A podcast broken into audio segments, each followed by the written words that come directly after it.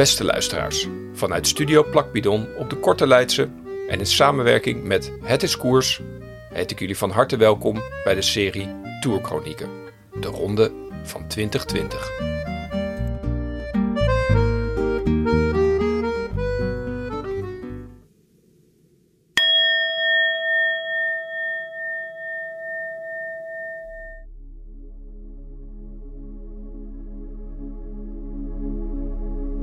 En welkom alweer bij de tweede rustdag. Ook nu gaan weer bij alle betrokkenen de wattenstaafjes in keel en neus. En ook nu weer is het schietgebedjes prevelen dat de uitslag negatief is. De derde week staat voor de deur. De derde week heeft een mythisch gehalte. Het is wat de Grand Tours uit Frankrijk, Spanje en Italië onderscheidt van de kleinere rondes uit de omringende landen. Waar sommige renners bekend staan om hun sterke derde week, is het voor andere renners altijd weer gissen hoe ze die eerste twee weken hebben weten te verteren. Hoe ze er nu voor staan en in hoeverre hun lichaam en misschien ook wel de geest de druk van die laatste week aankunnen.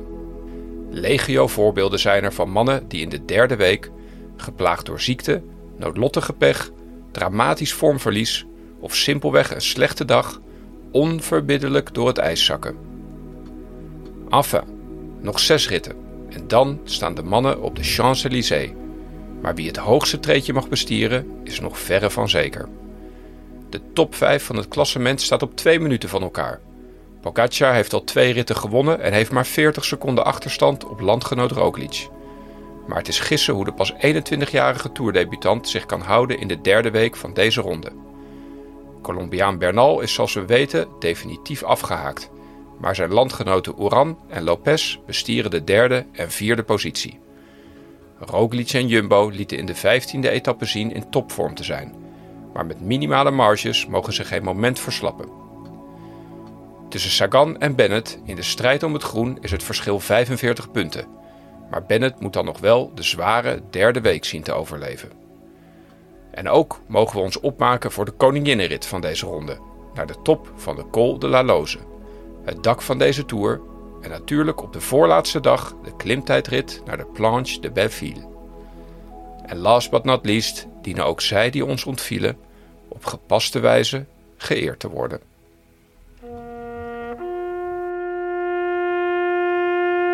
Domenico Pozzovivo, Ilnur Zakarin, Bauke Mollema, Romain Bardet, Pierre Latour en Sergio Higuita. Nog in koers na de 15e etappe 156 renners.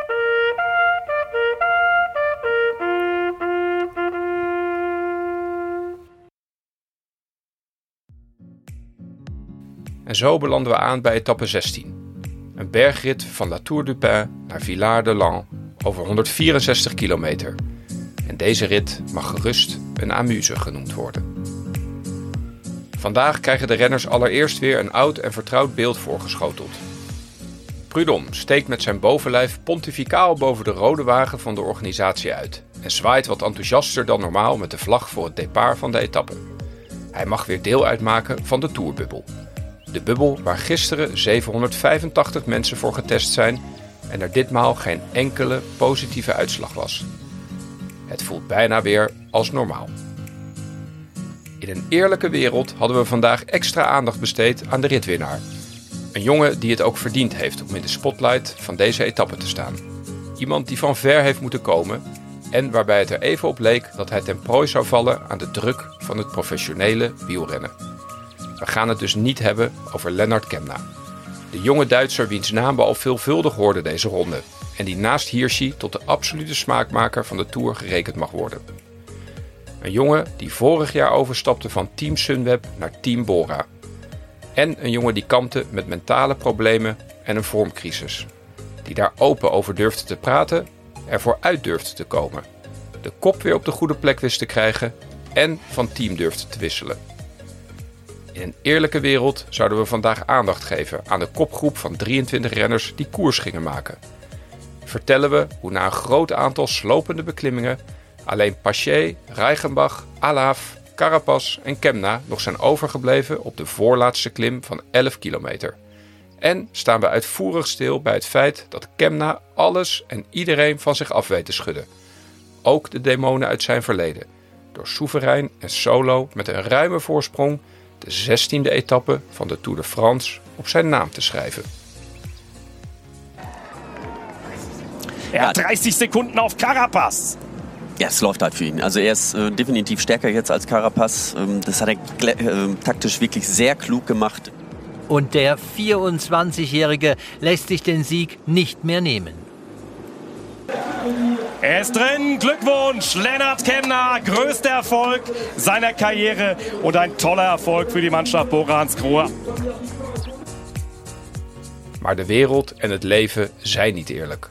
Al helemaal niet in de wielerij of de Ronde van Frankrijk. Morgen staat namelijk de Queen Stage op het menu. En hoewel we blij zijn voor Lennart, zijn we na deze amuse toch vooral benieuwd naar het hoofdgerecht van morgen.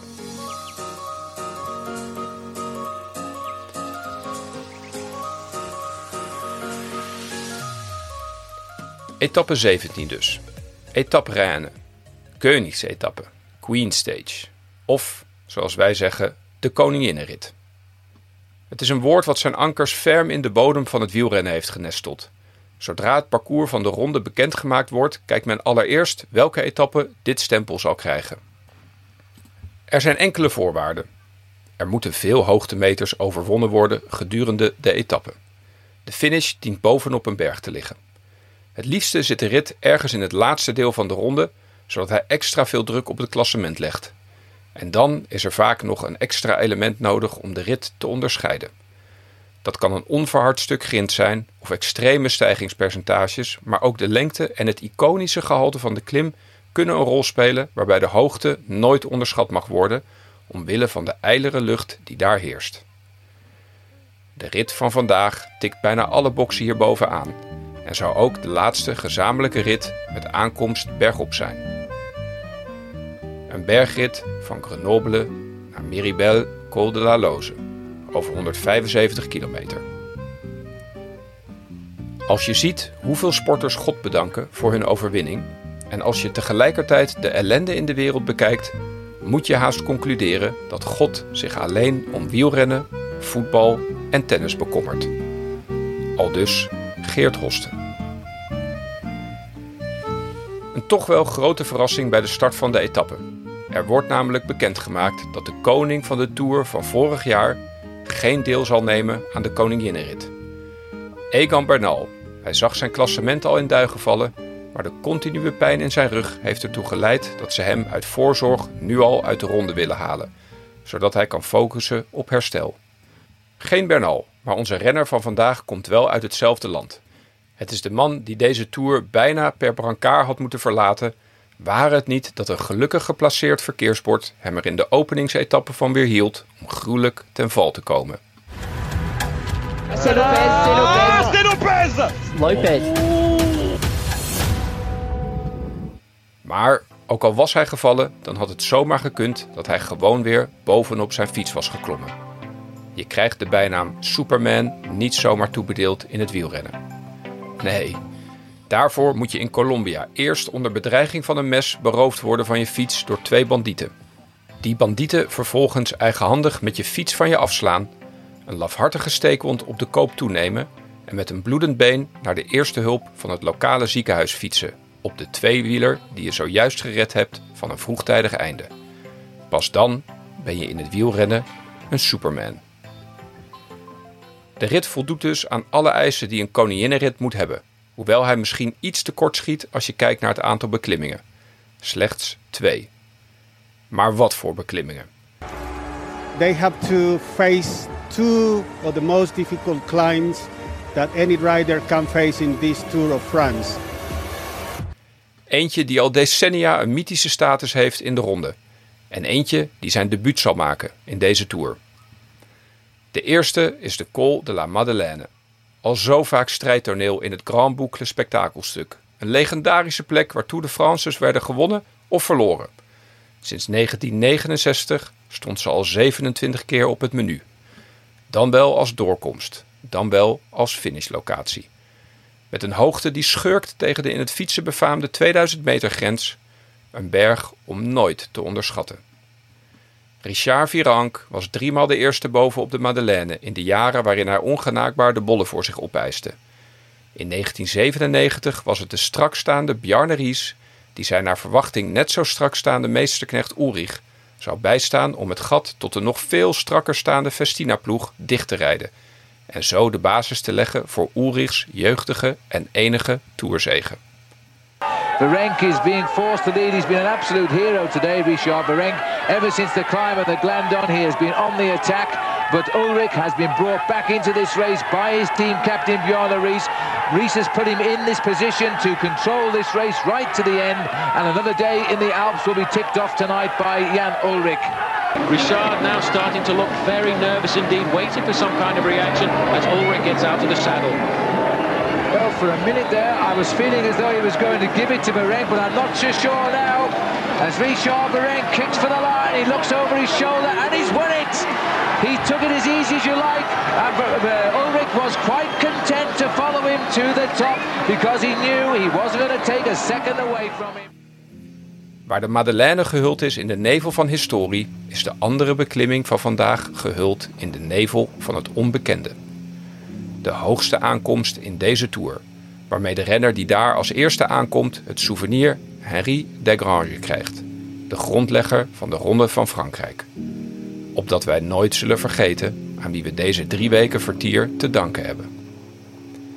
De onbekende koningin van deze ronde heet zoals gezegd de Col de la Loze. Eentje die naar 2300 meter zal stijgen. Die hoogte waarbij de lucht aanzienlijk eiler is dan op zeeniveau en ademhalen wat lastig wordt. Het is niet zo gek dat de berg een onbekende is. Pas eind 2019 werd een stuk glimmend asfalt uitgestort over het gravel, wat voorheen dienst deed als aanvoerweg voor de skiliften. En zo werd het per fiets beklimmen van deze dame een mogelijkheid. Als kers op de taart wordt het nieuwe gedeelte ook nog eens autovrij verklaard. Dus ook u als wielertoerist dient op een gegeven moment in uw leven de bedevaart naar de La Loze te maken.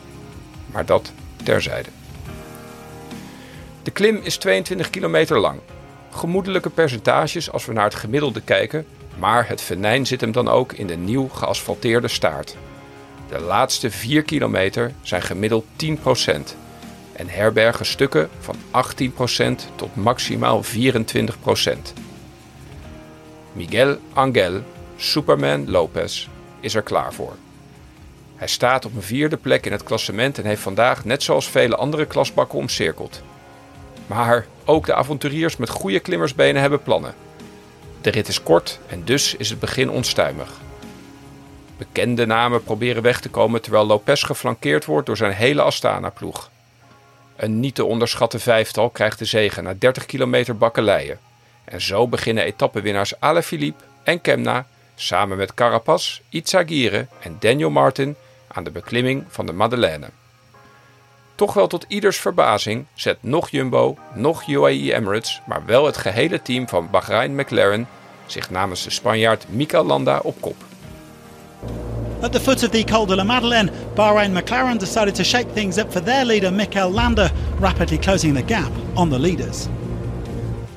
Landa staat op een zevende plek, heeft nog geen succes weten te behalen en de verschillen tussen hem en de op plek 3 rijdende Uran zijn een luttele 42 seconden. Verschillen die vandaag als sneeuw voor de zon kunnen verdampen. Voor Lopez is het 2300 meter hoogte van de Loze niet zo spannend. Het is eerder een plek waar hij zich thuis voelt, gezien zijn wieg in Bocaya stond. Een plaats in Colombia op 2600 meter hoogte. Hier begon hij met mountainbiken, maar kreeg uiteindelijk de wegfiets hem volledig in zijn greep. Lopez zal het niet snel toegeven, maar hij voelt een enorme druk. En die druk speelt hem al enige tijd parten. Astana is een grote ploeg met een groot budget en ditto grote verwachtingen. Hoewel er nog meer goede renners bij Astana koersen, is Lopez hun enige echte kopman in de grote rondes. En dus komt de druk met name op zijn schouders te liggen. De maanden in Colombia, waarbij hij het fietsen afwisselde met vissen en hij dicht bij zijn familie kon zijn, hadden hem heel veel goeds gedaan. Maar de plicht roept en dus vloog ook hij met zijn landgenoten naar Europa om de eer van volk en vaderland hoog te houden. Los van het kopgroepje, wat nooit veel ruimte krijgt, verloopt de etappe relatief rustig, omdat iedereen weet dat het venijn hem in de staart zit. L'ascension finale vers Meribel et vers le col de la Lose. Op het eerste gedeelte van de slotklim kruimelen de vier overgebleven koplopers één voor één in elkaar. Alaaf en Dan Martin als eerste, waarna ook Itsagire zich noodgedwongen laat afzakken. Carapaz namens Ineos zit dan nog alleen van voren in de hoop de Tour voor het team nog wat kleur te geven na het afstappen van kopman Bernal. Lopez hoort inmiddels dat eerst Landa, wiens zwart-oranje ploeg zichzelf voor hem hebben leeggereden, begint af te glijden en dat de nummer 3 uit het klassement Oeran ook moet passen. Door het bulswerk van de meesterknechten heeft Carapaz nog 30 tellen over als de oude weg ophoudt en dat laatste gloednieuwe en loeisteile stuk asfalt begint. Carapaz is verworden tot een schim die nog geen blik krijgt van de mannen die hem opvreten en uitspugen. Koes op kop in hoog tempo hij in zijn wiel. Het perfecte moment voor Superman om zijn ultieme pijl af te knallen. Wanneer Lopez aangaat zijn er weinigen die kunnen volgen. Se va Cus, se va Cus y sale Superman. Atención Colombia que atacó Superman López. Atención Colombia que atacó Superman López y se va. Lo soltó a Roglic, lo soltó a Pogachar. Vamos Superman. Ahora papá, sin mirar atrás. Eso Superman. Ahí va campeón. Colando la capa roja. Sí, te fuiste No mire, Superman. hombre. Te fuiste. Hoewel de berg afgesloten zou moeten zijn voor supporters, is daar weinig van te merken. Hij hoort zijn naam veelvuldig, ziet een verdwaalde Colombiaanse vlag en krijgt gezelschap van een meerenggekkie die hem luidkeels in het Spaans blijft toeschreeuwen, ondanks de ijle lucht. Het is nog maar 800 meter tot de top. Maar 800 meter bij dubbele stijgingspercentages en op eenzame hoogte kunnen een eeuwigheid duren. Al helemaal als in slow motion niet verder achter Roglic zijn kant op kruipt om zich dan eindelijk te ontdoen van Pogacar, die voor het eerst deze Tour een klein gaatje tot zijn landgenoot moet laten. Pogacar is coming back to Roglic. He's not giving in. Pogacar almost got to the wheel of Roglic. Pogacar almost got back, but he has found the Col de la Loz, a fearsome opponent. Lopez kan de finish zien en dat is voldoende om de moed niet te verliezen. Ploegleiders Fovanov en Vinokurov kunnen hun geluk niet op, maar Miguel Angel Lopez kan enkel aan zijn familie denken. En voelt zowel fysiek als mentaal een zware last van zijn schouders vallen wanneer hij over de meet rolt. 2020 la empiezo a notar. Victoria de Superman López en la etapa reina del Tour de France 2020. Ya me estoy ilusionando. Me voy a volver loco. Acá viene Pogachar, el chiquilín que sufre. Está, ahí, la tiene. La tiene en sus manos. Roglic kruipt kort daarna over de finish en 15 seconden na hem zwalkt ook Pogacar binnen. Iedereen hapt naar lucht en hij heeft een paar minuten nodig om bij zinnen te komen en de pers te woord te staan. Lopez staat nu ineens derde in het klassement, met 1 minuut en 40 seconden voorsprong op Richie Poort. Of hij nog kan schermen met de Slovenen en of het genoeg zal zijn voor het eindpodium in Parijs is onzeker. Maar wel staat vast dat hij zijn ploegbaas Vinokurov op diens verjaardag het ultieme cadeau heeft gegeven.